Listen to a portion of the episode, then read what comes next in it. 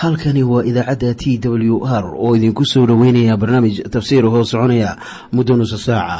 Waxaana barnaamijkan codka waayaha cusub ee waxbaridda ah idiin soo diyaariya masiixiin soomaaliya.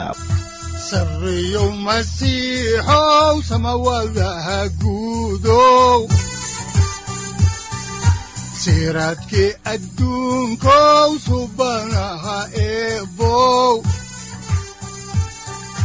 sareyow masiixow samawadaha guudow siraadkii adduunkow subanaha eebow adigoo samaada jiro ifkan soo saldhiganba adigoo samaada jiro ifkan soo saldhiganba kutubtiisanaye sifahaaga.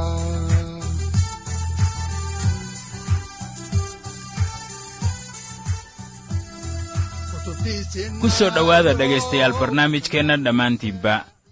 Waxaannu caawa idiin sii wadi doonnaa daraasaad aynu ku eegayno injiilka sida matayos uu qoray waxaana daraasaadkaas loogu magac daray baibalka dhammaantii waxaannu macluumaad idinka siinaynaa ahmiyadda uu leeyahay injiilka sida matayos uu u qoray waxaanan caawa idiin sii wadi doonnaa cutubka saddex iyo tobanaad. Mawduuca cutubkani uu ka kooban yahay waa mid keliya waxaana weeye masaalkii boqortooyada oo muujinaya jihada boqortooyada kadib markii reer banu israa'iil ay diidday ilaa boqorka uu soo laabto oo uu dunida ka taago boqortooyada jannada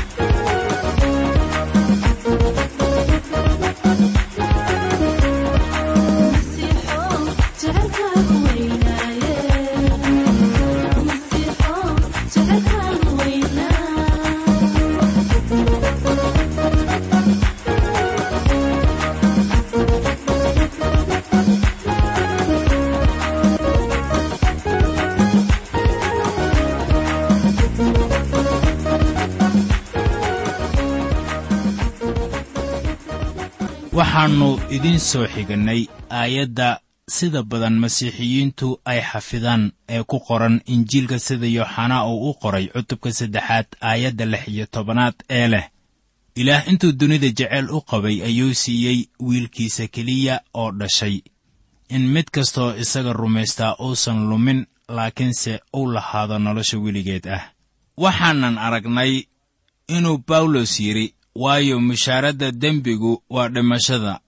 Laakiinse hadiyadda ilaah waa nolosha weligeed ah ee laga helo rabbigeenna sayid ciise masiix.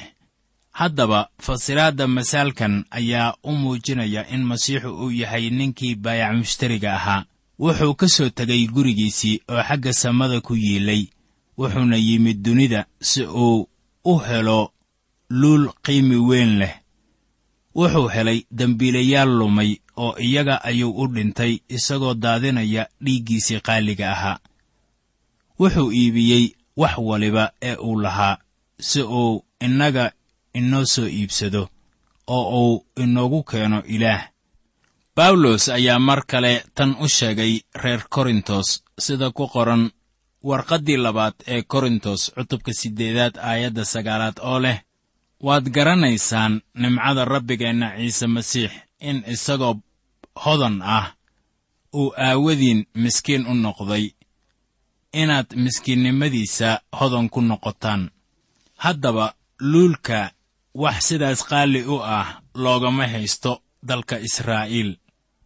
Aayado badan oo qorniinka ah ayaa arrinkaasi ina dareensiinaya. Tusaale ahaan ayuub cutubka siddeed iyo labaatanaad aayadda siddeed iyo tobanaad ayaa luulka waxaa lagala mid dhigayaa dhagaxa madarad la yidhaahdo iyo raamoot inkastoo luulka aan looga qaadan wax qiimo weyn leh markaan eegno caadada cibraaniyadda haddana qurumaha aad bay u weyneeyaan luulka. Iminkana ku soo dhowaada maaddada ah masaalkii shabaqa badda lagu riday.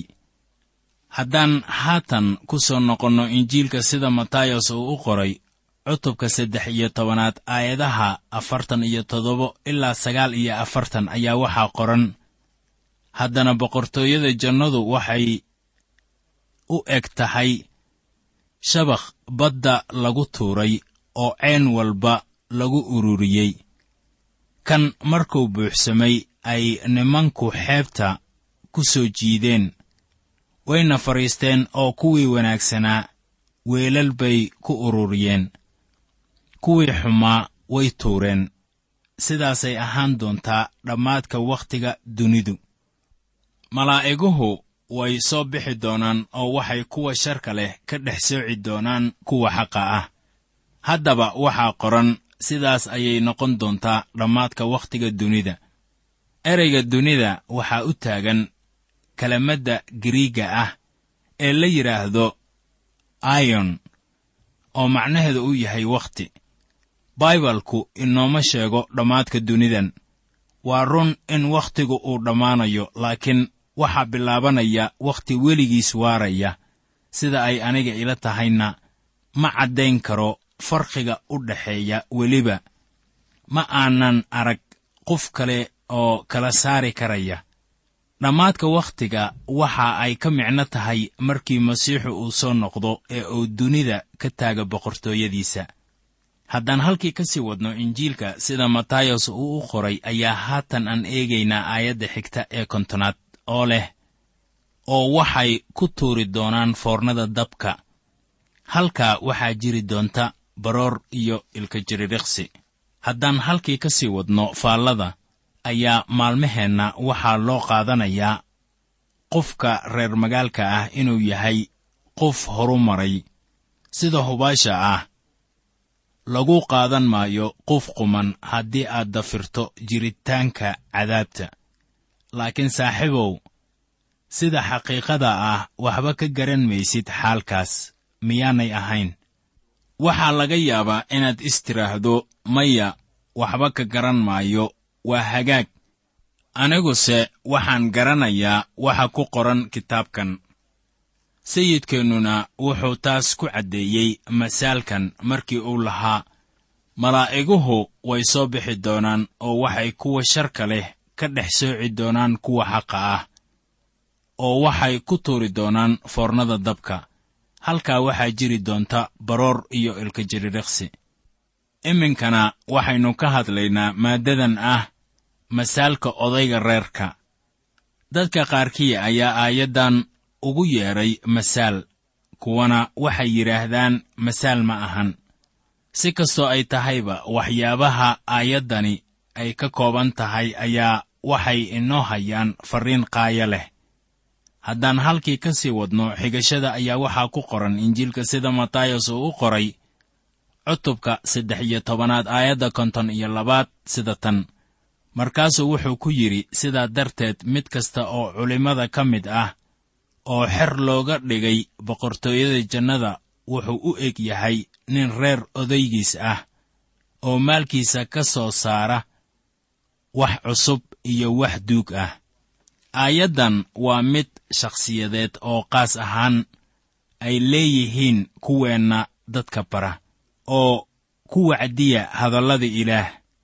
Waxaan markaas idinku wacdinayaa hadallada hore iyo kuwa cusub dadka qaar baa igu leh horay ayaan waxyaabahaas u maqlay. Dabcan way maqleen laakiin weli waa hawshayda inaan la imaado waxyaabo hore laakiin waxaan rajaynayaa weliba inaan la imaado fikrado cusub xitaa.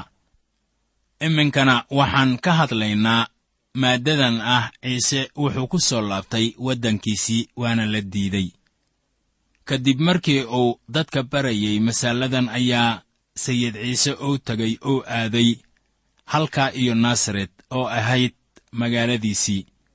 Haddaan halkii ka sii wadno xigashada ayaa waxaa ku qoran injiilka sida matayos uu u qoray cutubka saddex iyo tobanaad aayadda konton iyo afaraad sida tan. Oo markuu waddankiisa yimid ayuu sinagogooda wax ku baray. Sidaa darteed way yaabeen oo yidhaahdeen ninkanu xaggee buu ka helay xikmaddan iyo shuqulladan xoogga leh.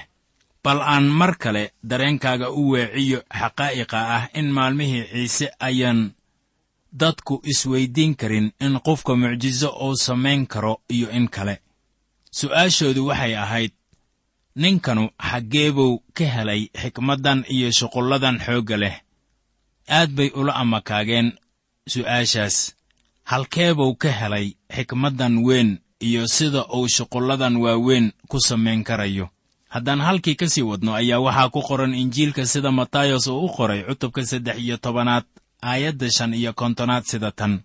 Kanu miyaannu ahayn wiilkii nijaarka miyaan hooyadiis la odhan jirin maryan walaalihiisna yacquub iyo yoose iyo simoon iyo yudas. Waxay yidhaahdeen oo kale kanu miyaannu ahayn wiilkii nijaarka. Taasaana iyaga wereerisay ma ayan garanaynin kan uu xaqiiqa ahaan ahaa. Iyaga wuxuu u ahaa wiilkii nijaarka. Sidaas ayuuna u yahay dadka qaar maanta. Waxay u malaynayaan inuu ahaa macallin weyn iyo nin magac leh iyo qof wanaagsan laakiin iyaga wuxuu weli u yahay wiilkii nijaarka haddaan faallada ahdiga cusub halkeeda idinka miisno ayaa waxaa ku qoran aayadda xigta ee konton iyo lixaad sida tan. Gabdhihii walaalihiis ahaana miyaanay inala joogin. Haddaba kanu xaggeebuu waxyaalahan oo dhan ka helay. Way caddahay in ciise uu lahaa wiilal iyo gabdho la dhashay. Dabcan waxay ahaayeen iyagoo dhan kuwo ay hooyadii dhashay oo ka wada yaraa kuwaasoo ay u dhaleen maryama iyo yuusuf. Ma ayan garan ilaa la sara kiciyey inuu ahaa dhab ahaantii wiilkii ilaah. Haddaba aynu eegno injiilka sida matayos uu u qoray cutubka saddex iyo tobanaad aayadda konton iyo toddobaad waxaana qoran sida tan. Wayna ka xumaadeen laakiin ciise wuxuu ku yidhi nebi murwadla ma jiro waddankiisa iyo gurigiisa dhexdooda maahee soo arki maysid haatan in dadkii magaaladiisa oo isaga iyo qoyskiisa aad u garanayay ay daleeceeyeen. Waxaana taasu ay ka micno tahay inay aflagaadeeyeen isaga. Waxaan u malaynayaa inay yidhaahdeen waannu garanaynaa qoyskaaga oo innaga ayaad inala soo kortay halkeebaad ka heshay waxyaabaha aad dadka barayso? Haddaan halkii ka sii wadno ayaa waxaa ku qoran aayadda ugu dambaysa ee cutubka saddex iyo tobanaad. Waa aayadda konton iyo siddeedaade sida tan. Halkaas shuqullo badan oo xoog leh kuma samayn rumaysad la'aantooda aawadeed. Tanu waa qarsoodi la yaab leh oo laynoo muujiyey. Waxaad ogaataa wixii ay ahayd waxaa xadeeyey awoodda ilaah markii uu halkaasi joogay. Waxaasu waxay ahaayeen rumaysad darri. Waxaa qoran halkaas shuqullo badan oo xoog leh kuma samayn rumaysad la'aantooda aawadeed. Ma ahan inuu awoodi waayey inuu mucjisooyin ku dhex sameeyo laakiin rumaysad darridooda aawadood ayuu halkaasi ka sameeyey mucjisooyin aan badnayn. Iminkana ku soo dhowaada dhegaystayaal cutubka afar iyo tobanaad. Haatanna waxaan soo gaarnay cutubka afar iyo tobanaad waxayna mawduucyadiisu kala yihiin kow. Farriin walihii ahaa yooxanaa baabtiisaha oo la dilay. Labo ciise oo dib u soo noqonaya ha yeeshee waxaa daba galay dad badan. Ciise oo quudinaya waa saddexe ilaa iyo shan kun oo qofood oo xertiisii u diraya badda iyadoo ay jirto duufaan markaasuu badda korkeeda ku kor socday. Dhaqdhaqaaqii lagu diidanaa in ciise uu yahay boqorka ee uu matayos qoray iyo loolankii ka dhexeeyey madaxdii diinta ayaa horay u sii socda. Cutubkan wuxuu muujinayaa in dhacdadan ay sii ballaaranayso yooxanaa baabtiisaha waxaa loo dilay iyadoo lagu marmarsoonayo boqor herod uu marmarsiyo kaga dhiganayo axdigiisa inuu yahay mid oofiya. Haddaba taasu waxay ahayd fal aan geed loogu soo gaban oo ay isaga soo hor jeedaan iftiinka iyo qumanaanta kuwaasoo ugu dambaysta gacmahooda sharka leh saari doona ciise ciise wuu ka noqonayaa ama uu ka dheeraanayaa gacmaha wasakhda leh ee herodos waayo saacaddii ciise weli ma imaan quudintii shanta kun ayaa hubaal ahaan tan ugu muhiimsan mucjisooyinkii ciise haddii aynu xaalka u eegno. Danniga ay ka bixiyeen nimanka qoray injiilka. Waa mucjisada keliya oo ay qoreen qorayaasha injiilka oo dhan. Iminkana aynu ka hadalno maaddada ah dilkii yooxanaa baabtiisaha. Haddaan dib ugu soo noqonno kitaabka ayaa waxaa ku qoran injiilka sida matayos uu qoray cutubka afar iyo tobanaad aayadaha kow ilaa labo sida tan. Waagaas taliya herodos ayaa warkii ciise maqlay oo wuxuu mididiinyadiisii ku yidhi kanu waa yooxanaa baabtiisaha. Kuwii dhintay ayuu ka soo saro kacay. Sidaa darteed shuqulladan xoogga leh waa ku dhex jiraan oo ay shaqaynayaan. Herodos wuxuu dhimasho u taxaabay yooxanaa baabtiisaha wuxuuna ku xidhiiriyey yooxanaa baabtiisaha sayid ciise masiix. Herodos wuxuu rumaysnaa in yooxanaa uu ka soo saro kacay kuwii dhintay oo cabsidiisii ayaa waxay isku beddeshay cadho waayo wuxuu doonayey inuu baabi'iyo yooxanaa gebi ahaantiisba. Herodos wuxuu ahaa qamriyacab wasakh ah oo weliba dalambaabi ah wuxuuna kaloo ahaa dilaa. Wuxuu horay u dilay yooxanaa baabtiisaha oo ahaa kii jidka u diyaargaraynayay masiixa wuxuuna diyaar u ahaa inuu dilo sayid ciise qudhiisa. Aayadaha soo socda ayaa qayb ka ah gocashada fasirka marxaladda ku aadan dhimashadii yooxanaa baabtiisaha. Haddaan dib ugu noqonno kitaabka axdiga cusub ayaa waxaa ku qoran injiilka sida matayos uu u qoray cutubka afar iyo tobanaad aayadda saddexaad sida tan waayo herodos baa yooxanaa qabtay oo intuu xidhay ayuu xabbisay ama u xabbisay walaalkiis filibos naagtiisii herodiya aawadeed. Waxaad haddaba ogaataa in aayaddu ay leedahay herodos baa yooxanaa qabtay. Waa ficil hore herodos wuxuu xabbisay yooxanaa herodiya aawadeed. Waxaad haddaba ogaataa sida dadka kale ay qayb uga ahaayeen ama gacan ugu lahaayeen xukunkii herodos waxaa loo isticmaali jiray sida siyaasiyiinta. Wax kasta ee uu sameeyo waxay ahayd inuu helo oggolaanshaha kuwa ku hareeraysan. Haddaan halkii ka sii wadno ayaa waxaa ku qoran aayadda xigta ee afraad sida tan. Waayo yooxanaa wuxuu ku yidhi xalaal kuma aha inaad haysatid. Yooxanaa baabtiisaha wuxuu ka hadlay falfalxumadii herodos yooxanaa ma ahayn siyaasi wanaagsan. Haddaan halkii ka sii wadno ayaa waxaa ku qoran injiilka sida matayos uu u qoray cutubka afar iyo tobanaad aayadda shanaad sida tan oo goortuu doonay inuu dilo. Dadkii badnaa ayuu ka baqay maxaa yeelay waxay u haysteen sidii nebi oo kale. Waxaan halkan ku arkaynaa inuu herodos ka baqay dadkii badnaa haddaan halkii ka sii wadno ayaa waxaa ku qoran aayadda xigta ee lixaad sida tan. Goortuu maalintii la xusuustay dhalashadiisii herodos timid gabadhii herodiya ayaa dadkii dhexdiisa ku ciyaartay oo herodos ayay ka farxisay.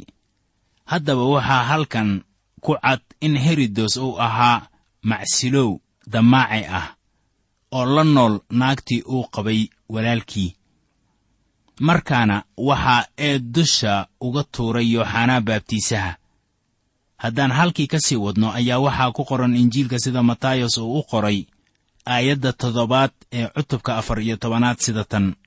Kolkaasuu dhaar ku ballanqaaday inuu siiyo wixii ay weyddiisataba. Waxay la ahayd in gabadhu ay weyddiisanayso qarash lacageed iyo maal siday ila tahay iyo dabcan wax macquul ah haddaan halkii ka sii wadno xigashada ayaa waxaa ku qoran aayadda siddeedaad. Iyadoo hooyadeed hore ula soo talisay ayay tidhi halkan xeero igu soo sii madaxa yooxanaa baabtiisaha.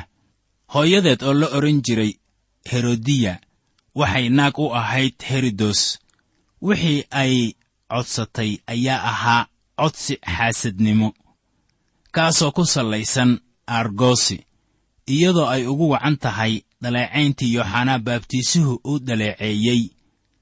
Habkii ay u noolaayeen iyada iyo herodos haddaan halkii ka sii wadno ayaa aayadda sagaalaad waxa ayna leedahay boqorkii waa calool xumaaday laakiin dhaarihiisii iyo kuwii la fadhiyey aawadood ayuu ku amray in la siiyo.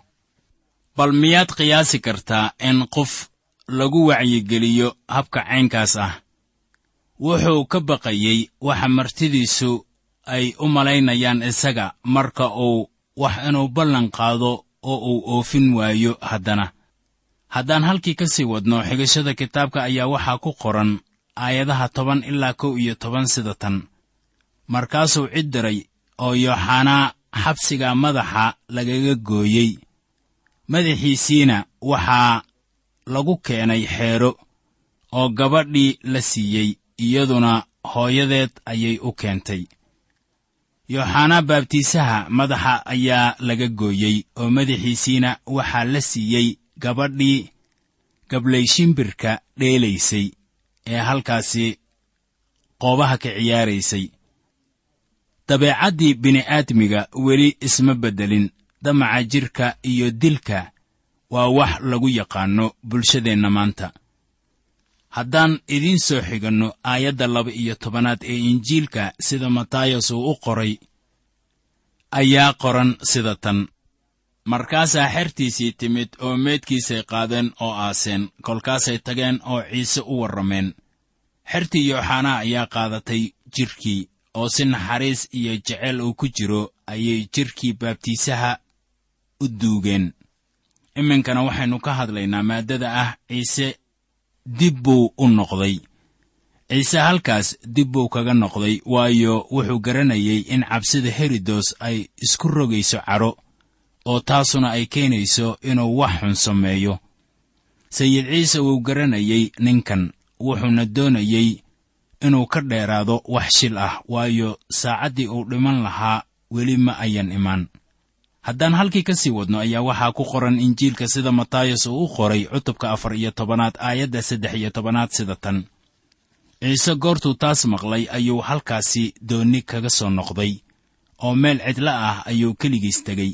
Dadkii badnaa goortay wararkaas maqleen ayay magaalooyinka lug kaga soo raaceen. Sayidku doonni ayuu ku gudbay badda galilii laakiin dadkii badnaa ee magaalooyinka lugta kaga soo raacay ayaan doonayn inuu tago. Markaasay waxay ku socdeen xeebaha badda galilii oo waxay kula kulmeen geddiga kale. Waxaanay tanu muujinaysaa sida uu caan uga ahaa dadka dhexdiisa.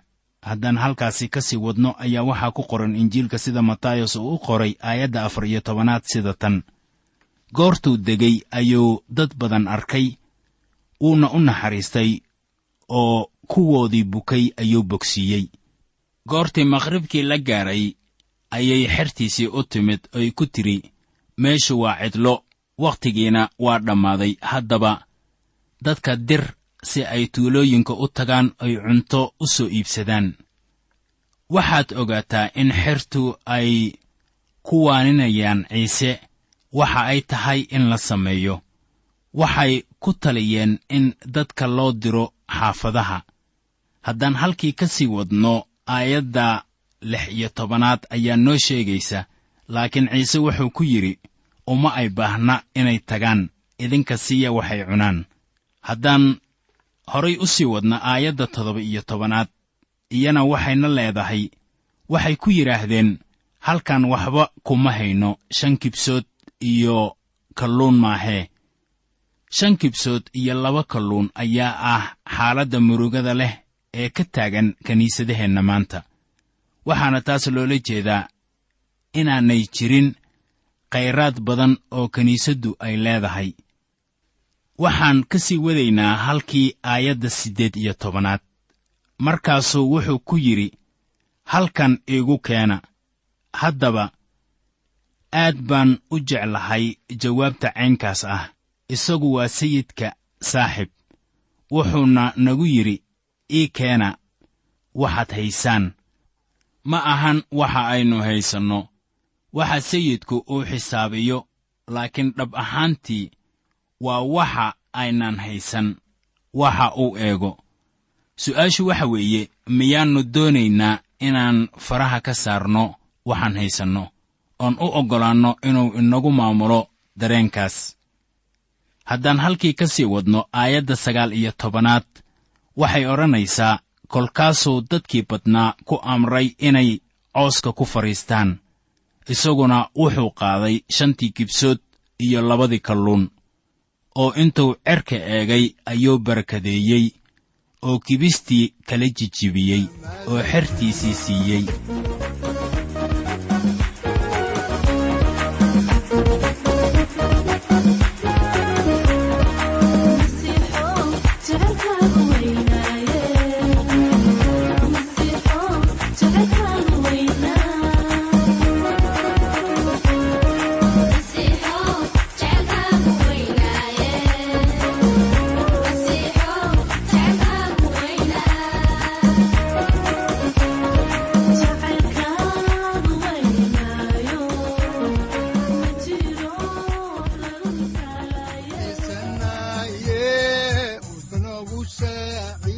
halkani waa t w r idaacadda t w r oo idinku leh ilaa ha idin barakeeyo oo ha idinku anfaco wixii aad caawi ka maqasheen barnaamijka. Waxaa barnaamijkan oo kalaa maqli doontaan habeen dambe hadahan oo kale haddiise aad doonaysaan in aad fikirkiina ka dhiibataan wixii aad caawi maqasheen ayaad nagala soo xiriiri kartaan som t w r at t w r c o k e dhegaystayaal haddii aad doonaysaan inaad mar kale dhegaysataan barnaamijka fadlan mar kale booqo www t t b o r g ama www t w r o r g halka sare waxaad ku arkaysaa markii aad gasho language ama luuqadda waxaana dooranaysaa soomaali haddii aad doonaysaan in aad dejisataan oo kaydsataan barnaamijka ama aad mar kale dhegaysataan fadlan mar kale booqo www t t b t w r o r g ama www t w r o r g haddii aad doonayso in laga kaalmeeyo dhinacyada fahamka kitaabka amase aad u baahan tahay duco fadlan fariimahaaga soo mari bogga aaraahda ama kommentska inana jawaab degdeg ah ayaanu ku soo diri doonaa amase ku siin doonaaye sareyow masiixow salula wihiyow saacadda timid dhulka sabada ku dhalatiyo